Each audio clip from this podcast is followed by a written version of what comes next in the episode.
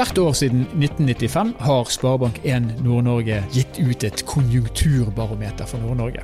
Her kan man få lese hva status er når det gjelder økonomi i landsdelen, og man kan også få noen frempek. Hva kan man forvente i den perioden man går inn i.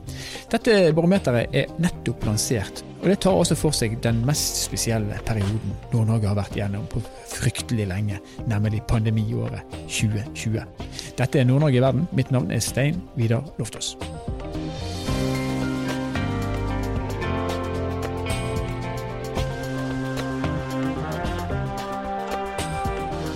2020 var et utrolig spesielt år. Bruttonasjonalprodukt i Norge falt med 3% også Nord-Norge ble rammet av eh, pandemien økonomisk. Eh, og SSB sier at eh, norsk økonomi kanskje ikke er tilbake igjen til hektene før vi har passert 2022. Og så er det slik at Nord-Norge er nok en gang da mindre ramma enn resten av landet når krisen da traff oss. Det så vi i 2008 eh, under finanskrisen, vi så det i 2014-2015 når oljen fikk seg et eh, skudd for baugen, og vi ser det også nå. Men det betyr ikke at vi ikke er ramma. Det er næringer i nord som er betydelig ramma av pandemien, og kanskje i særdeleshet da reiselivsnæringen og servicenæringen. Og Vi skal komme litt tilbake til eh, både det som går bra og det som har gått mindre bra. Og jeg har med meg konsernsjef i nettopp Sparebank1 Nord-Norge, Liv Ulriksen. Og hvis jeg starter med å spørre deg, Liv. Nord-Norge, næringslivet i Nord-Norge. Nå er vi i starten av 2021. Hvordan står det til? Som du innleda med, så var året 2020 et spesielt år. Og det er mange som har slitt i det året som har gått. Også deler av næringslivet. Og det er bekymringsfullt. Hvis vi tar det litt mer overordna bildet, så vil jeg si at på tross av det, så har det gått bra for nordnorsk næringsliv og for Nord-Norge. Enkeltbransjer har hatt det tøft, men vi har klart oss igjennom på en god måte. Vi har hittil i år hatt færre konkurser i 2020 enn vi hadde i 2019. Vi må bare da være oppmerksom på at det bildet kan endre seg. Men arbeidsledigheten den skvatt i været, men den er kommet ned igjen på et nesten normalisert nivå. Og det er en veldig viktig indikator for å se hvordan det kommer til å gå med eh, næringslivet og folk i Nord-Norge. Det at vi har arbeid er en av de viktigste forutsetningene. Så det ser ganske bra ut. Så noe er bra, noe er selvfølgelig da også rammer, som jeg også var inne på i innledningen. Men når vi sier det vi gjør, at Nord-Norge er mindre berørt nok en gang, hva er grunnen til det? Hvorfor er vi mindre rammet enn resten av Norge? Norge? Vi kan peke på noen faktorer.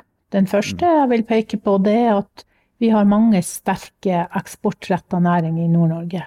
Industri og marin sektor. Både havbruksnæringa og det som er den klassiske fiskerinæringa. Det har også en indikasjon som er knytta til en lav kronekurs. Og den har hjulpet eksportretta næringer. Det betyr at vi konkurrerer bedre enn andre når kronekursen er lav. Ja.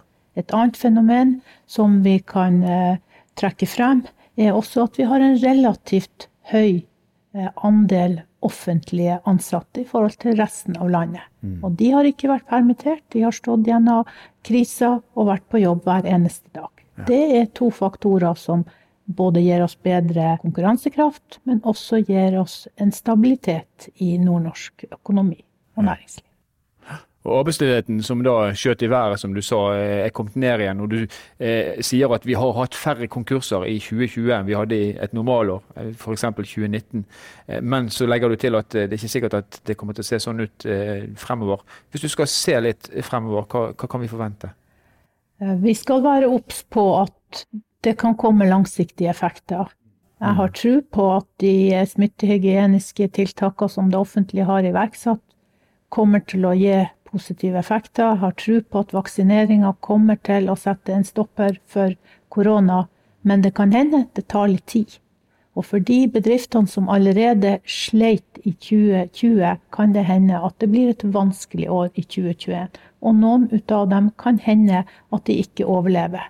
Og også, selv om de har fått en god del eh, innsprøytninger gjennom offentlige virkemidler, så er jo noe av det lån som skal betales tilbake, og det også kan medføre at likviditet kan bli utfordring for dem. Mm.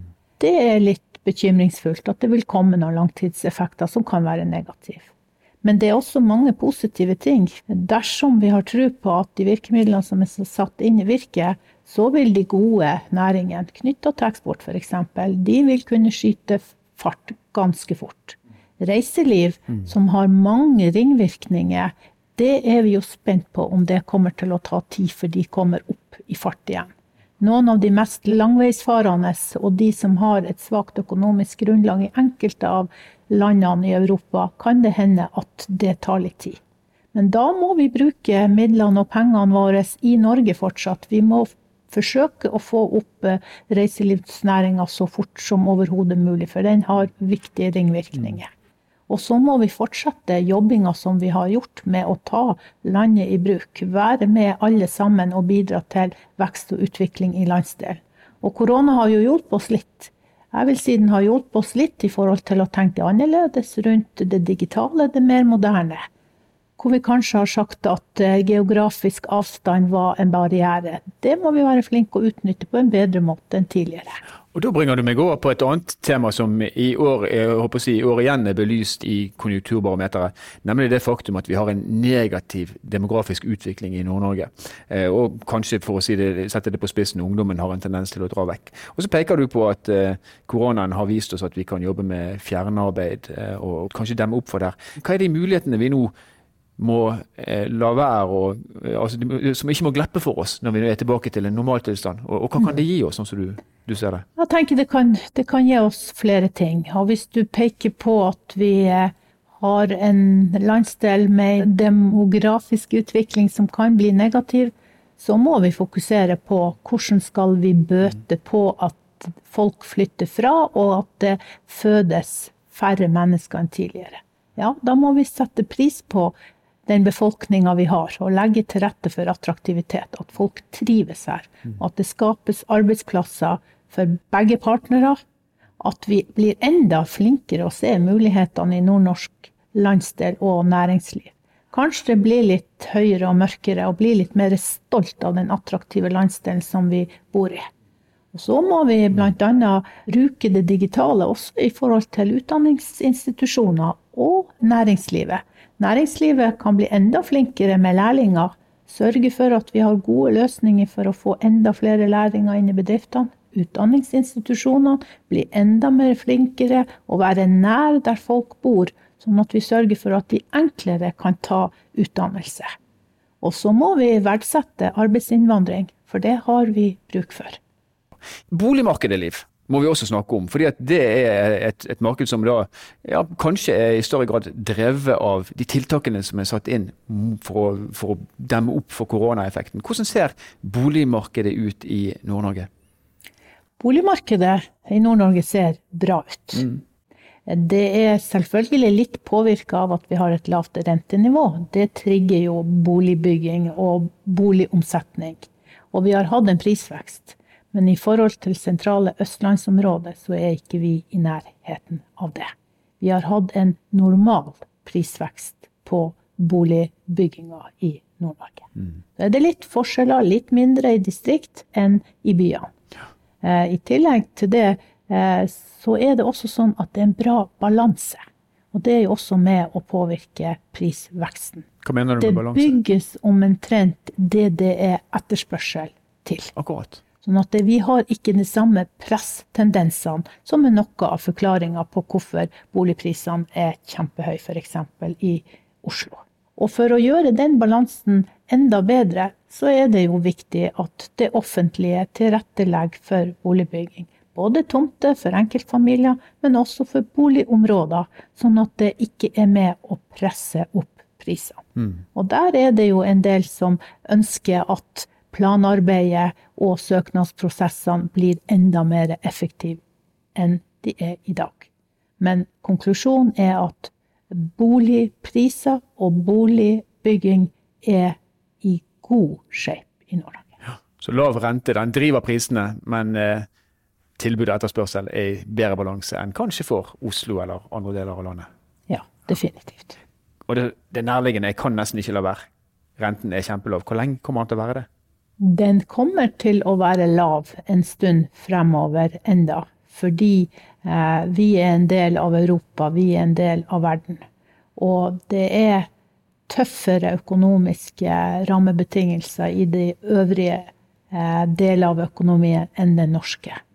Men vi har samtidig så gode forutsetninger i Nord-Norge eh, og så god veksttakt at renta bør øke fremover nå. Så skal ikke jeg spå om det, men eh, sannsynligvis vil vi kunne begynne å se eh, kanskje en renteoppgang på tampen av dette året. Tampen av 2021. Et helt annet tema, og et tema som eh, man skal være litt forsiktig med å belyse, kanskje uten å være ekspert, det er det som handler om folkehelse. Eh, konjunkturbarometeret slår fast at eh, det er en veldig veldig nær kobling mellom verdiskapning og økonomi på den ene siden og folkehelse på den andre siden. Og Det slås fast bl.a. at dersom man hadde fulgt kostholdsrådene som eh, helsemyndighetene våre kommer med, så ville man kunne hatt en eh, betydelig gevinst. Eh, det var vel anslått 14 milliarder bare for, for Nord-Norge. Overrasker det deg? Mm. Jeg har litt vanskeligheter med å forholde meg på, til det tallet på 14 milliarder. Men om det er 10 eller om det er 18, det er kanskje ikke det som er det mm. viktigste. Det viktigste er å legge til rette for at vi har en befolkning i Nord-Norge som kan være med og bygge Nord-Norge videre. Og jeg tror at vi skal ta folkehelse på alvor. Jeg, og heller ikke du, er eksperter på området, men det at vi er opptatt av å være frisk, at vi er opptatt av at mental og fysisk helse henger sammen, at vi har det bra som mennesker, det tror jeg er viktig. Og hvis vi ikke yter optimalt og på vårt beste til enhver tid, så vet vi at det har en kostnad. Et klassisk eksempel er jo kostnader knytta til røyking. Det kjenner jo alle til. Og det er klart at når vi får ned eh, andelen av befolkninga som røyker i Norge eller i verden for øvrig, så er det store helsegevinster. Mm. Så eh, vi, vi skal ikke ha en advarende pekefinger men jeg tror vi skal begynne å tenke på det allerede når vi er i barnehagen. At våre barn har det bra. Der legges et grunnlag for at vi alle sammen skal få det bra i årene som kommer. Vi går inn for landing i Liv. Eh, status Nord-Norge er levert eh, når det gjelder både økonomi og i et eh, format, kan man kanskje si. Hva er ditt, hvis du skal løfte fram ett tema som blir viktig nå når vi skal kave oss ut av, av pandemitiden. Hva, hva, tenker du er det viktigste for Nord-Norge sin del? Et stort spørsmål, Vidar. Vi har utrolig stort potensial. Jeg tror vi er på god vei til å ta ut mer og mer ut av det. Så vi må fortsette de gode tendensene til å bygge nordnorsk identitet og stolthet så må vi samarbeide og ha dialog med eh, både storsamfunnet og også landsdel. Over kommunegrenser, over regionale grenser og noen gang over landegrensene. For vi må samhandle. Og så må vi være tydelige i eh, utfordringen overfor myndigheter og det offentlige. Infrastruktur er et spørsmål hvor vi må stå rak i ryggen og si hva skal til for å utvikle landsdelen videre. Og infrastruktur er et sentralt element. Så eh, konjunkturbarometeret det bringer i alle fall fram et grunnlag som eh, man kan ha som et felles grunnlag for å ta de beslutningene som man skal ta i tiden som kommer. Og så er det som du sier, potensialet i Nord-Norge. Det er skyhøyt, og vi har enda mye å gå på når vi tar det ut. Så får vi se om vi sitter her igjen neste år og kan diskutere hvordan det gikk i 2021. Det blir spennende å se. Tusen takk eh, skal du ha, konsernsjef Liv Ulriksen.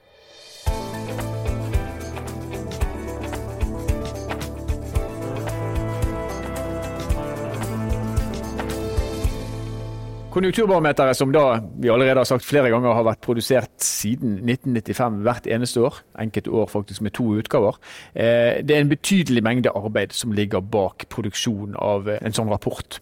Og En av de kloke menneskene som står bak årets konjunkturbarometer, har vi med oss nå. Det er Rune Finnsveen, som jobber ved Kunnskapsparken i Bodø. Han er senior analytiker der. Eh, og Rune, når jeg leser eh, årets konjunkturbarometer, så det er mange ting jeg eh, kjenner jeg har lyst til å vite mer om. Og et av, eh, et av de områdene det er det som handler om eierskap. Fordi at Barometeret slår fast at de aller fleste som, som jobber i Nord-Norge, de jobber i et selskap som også eies i Norge Nord-Norge. Og så, Hvis man går litt lenger ned i statistikken der, så ser man at det er noen grupper som skiller seg veldig tydelig ut altså når man snakker om hvem som eier. Blant annet så ser jeg at eh, aldersgruppen mellom 45 og 65 år er tungt representert, og menn er, er svært tungt representert. Forklar eh, hvordan dette, dette henger sammen. Nei, Vi har jo sett på eierskapet i uh aksjeselskap som er registrert med sin hovedvirksomhet i Nord-Norge. Eh, og av de så er det jo 70 eh, som har et privat eierskap. Eh, og nærmere 90% av den andelen kan jo knyttes til eiere lokalisert i landsdelen. Og så er det vel kanskje ikke noe overraskelse at majoriteten av de personlige eierne er menn i godt voksen alder, for å si det sånn. Eh, og det har nok sammenheng med hvordan eh, eierskap har utvikla seg over tid, og hvem som tradisjonelt sett har stått som registrert eier i en del av selskapene. Mm. Og Mens de fleste da jobber i selskaper som eies i Nord-Norge, så legger jeg òg merke til at vi har en mye større grad av utpendlingen enn i hvert fall det jeg hadde trodd. Altså det, vi, vi, importerer arbeidskraft, og jeg tror de aller fleste tenker at vi har eh, flere som kommer inn enn som drar ut. Men det viser seg altså at en rekke mennesker pendler ut av landsdelen, altså jobber et annet sted, men bor i landet. Hvordan er den balansen der? Ja, det stemmer. Vi har jo en netto utpendling, og eh, det har det vært i mange år. Men eh, den nettoen har blitt mindre, som betyr at da er det færre som pendler ut, kontra de som pendler inn. Men samtidig så er det jo litt forskjeller, fordi vi ser jo at det er eh, typisk sekundærnæringsyrkene som eh, pendler ut. Eh, det er også knytta til offshorearbeid innenfor oljeindustrien, naturlig nok. Men også en god del bygg- og anleggsarbeidere som gjerne drar rundt på de forskjellige anleggene. De man ser som pendler inn, som netto ikke er så veldig mange, men dog positivt, er jo de med høyere utdanning. Som gjerne kan knyttes til spesialisthelsetjeneste, der man har eh, spesielle behov og hvor det kreves høy utdanning. Og det kanskje ikke er så veldig mange å få tak i heller. Så eh, det er jo en utvikling som man har sett over tid, at den differansen har blitt mindre. Og man har jo et jobbmarked som dekkes veldig godt eh, av de jobbene som tilbys i Nord-Norge. Men vi trenger fortsatt folk, samtidig som vi eksporterer ut eh, en del kompetanse til de jobbene som er, men som fortsatt er da bosatt i Nord-Norge. Men vi trenger altså da mennesker med høyere kompetanse, helt åpenbart, siden vi har en netto innpendling der. Men hvis vi ser på utdanningsinstitusjonene våre og hvordan de eh, innretter seg i forhold til disse behovene her, utdanner vi nok mennesker? Utdanner vi de rette eh, menneskene for det som er landsdelens behov, sånn som du vurderer det? Jeg tror nok med fordel utdanningssystemene òg kan utvikle seg i takt med utviklinga i næringslivet og det behovet man ser. Men det er jo litt sånn som vi har sett i årets rapport. SSB sine prognoser da, i forhold til behovet på utdanning viser jo at man kanskje får en overdekning av de med høyere utdanning, som, som kanskje blir et lite paradoks i det her. Eh, samtidig som man vil trenge langt flere fagarbeidere. Det er jo gitt dagens næringsstruktur. Men jeg tror at næringslivet må være enda tydeligere på å synliggjøre hvilke behov de vil ha eh, i framtida. Og at utdanningsinstitusjonene legger til rette for å utvikle utdanninger, tilpasse eksisterende utdanninger, men ikke minst å tilby utdanninger gjennom de digitale løsninger og andre måter man har sett på som har fungert over år, men spesielt gjennom fjoråret. Ja, og det er et godt poeng, for du nevner at uh, en av de kompetansene, høyere utdanningsmessige kompetansene det er behov for, det er innenfor utdanning. Uh, og dere har jo også i barometeret da belyst hvilke type jobber som faktisk kan løses med fjernarbeid, altså fra et, fra et annet sted. Uh, hva, noen refleksjoner rundt det, altså det behovet vi har kontra det vi nå vet er mulig? Nei, Det var jo en interessant sak å se på, for det har ikke vært gjort før. Og vi har basert oss på en amerikansk studie som har eh, tatt utgangspunkt i en rekke yrker, tilpassa det til eh, norsk eh, modell. Nordland sammen med Møre og Romsdal er samtidig de fylkene i landet som har færrest lønnstakere yrker som kan drive fjernarbeid. Det har noe med næringsstrukturen i landsdelen vår å gjøre. Men i sum så er det jo over 55 000 Eh, sysselsatte som kan drive sitt arbeid fra et annet sted enn der det fysiske kontoret, for å ta det som et eksempel. Det viser en større grad av fleksibilitet, som man også har sett effekten av gjennom det året vi har vært gjennom. Eh, og som vi tror kan være én mulighet for å lette rekrutteringa i framtida. Mm. Det vil ikke være sånn at det er kun i Nord-Norge man har sett det her som en åpenbaring. Det vil nok fortsatt bli hard konkurranse om arbeidskraften. Men vi har en demografiutfordring i forhold til flere eldre. De som er i arbeidsdyktig alder forsvinner fra landsdelen. Og hvordan skal man få tak i den kompetente arbeidskrafta. Sånn at fjernarbeid kan jo også være en mulighet til å rekruttere den beste kompetansen som kanskje ikke per i dag kan eller vil flytte til Nord-Norge. Eh, men på sikt forhåpentligvis vil gjøre det. Eh, samtidig kan par i større grad komme til Nord-Norge, hvor den ene parten har jobb, den andre kan utføre sitt arbeid som fjernarbeid.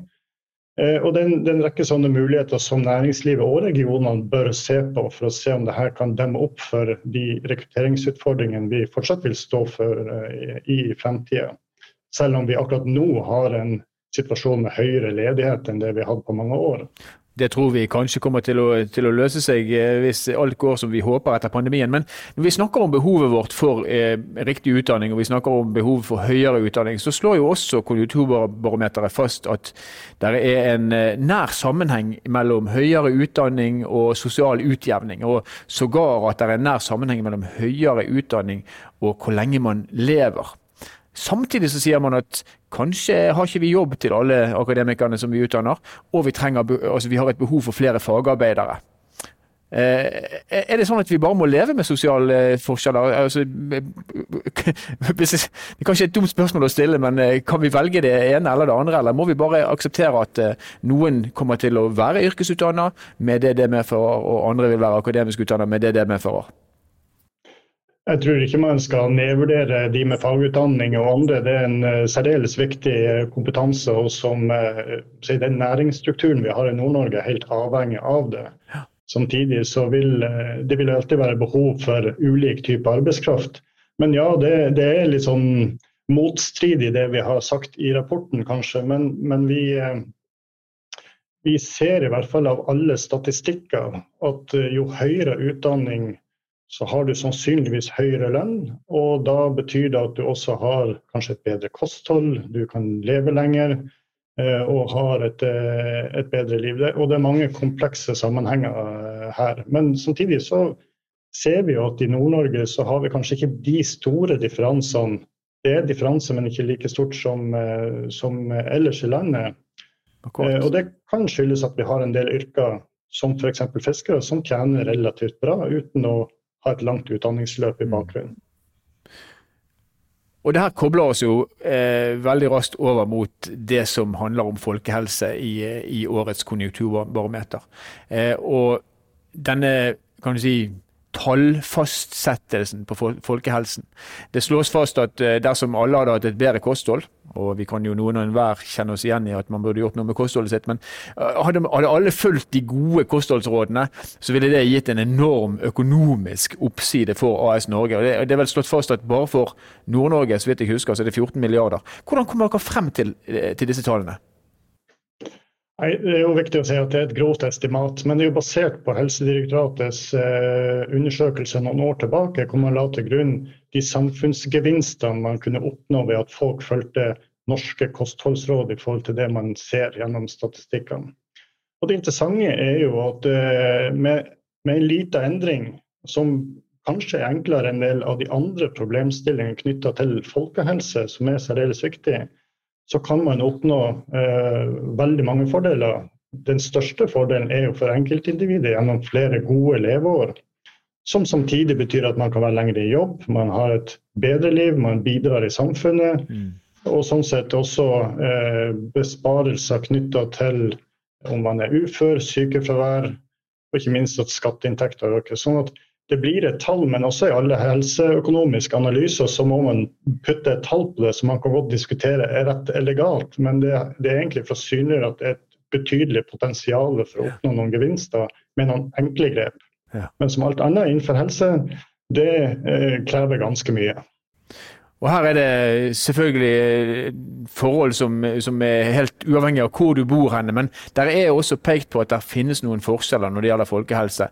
Hva, hva, er de forskjellene, kort fortalt, mellom nord og sør, da, når man snakker om, eh, om folkehelse? Nei, Man ser i hvert fall i forhold til eh, sammenlignet med landet at man har høyere andel for tidlig død. Altså at man dør før fylte 75 som følge av en del hjerte-karsykdommer lunge altså, og kols, altså røykerelaterte sykdomsforløp.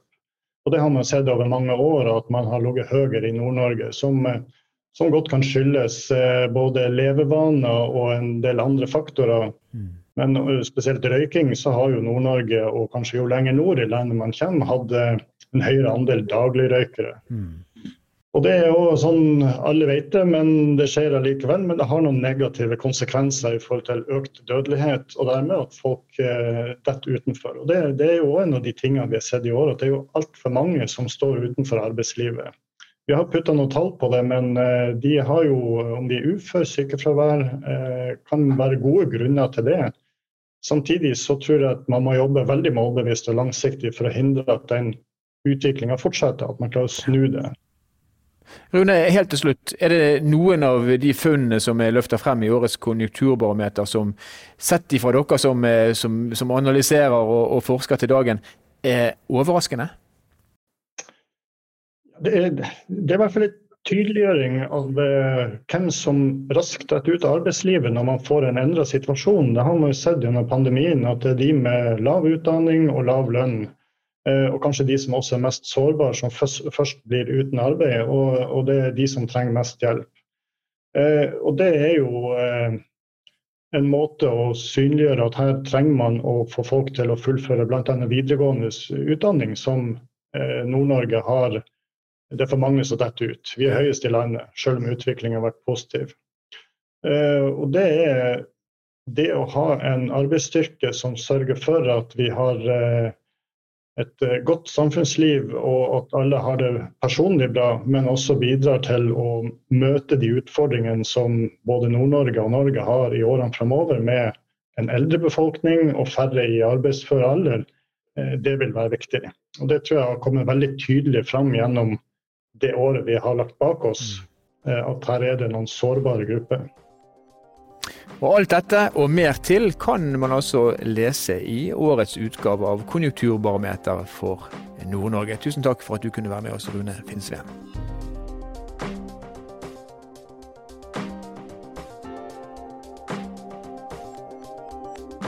Så mye går godt i Nord-Norge, til tross for pandemien. Arbeidsledigheten er ikke skyhøy, og vi har eh, en forventning om at normale tilstander kommer så snart så vi får kontroll over viruset, eller så snart vaksinen er gitt til alle, er vel kanskje mer korrekt å si. Og så sier Liv Ulriksen da at Nord-Norge har et stort og uforløst verdiskapingspotensial endog, men vi må samarbeide, samarbeide, samarbeide og samarbeide for å klare å ta ut dette potensialet. Så blir det spennende å se om vi får til dette samarbeidet, og det blir spennende å se hva konjunktur Konjunkturbarometeret for 2021 kommer til å fortelle oss når vi på samme tid neste år kanskje skal ta et dypdykk i det året som da er gått. Forhåpentligvis helt frigjort fra pandemi. Nord-Norge i verden er en podkastserie som er produsert av eh, Kunnskapsbanken Sparebank1 Nord-Norge i samarbeid med Helt Digital. Musikken du har hørt er laget av Emil Karlsen, og mitt navn er Stein Vidar Loftaas. Vi høres igjen i neste episode.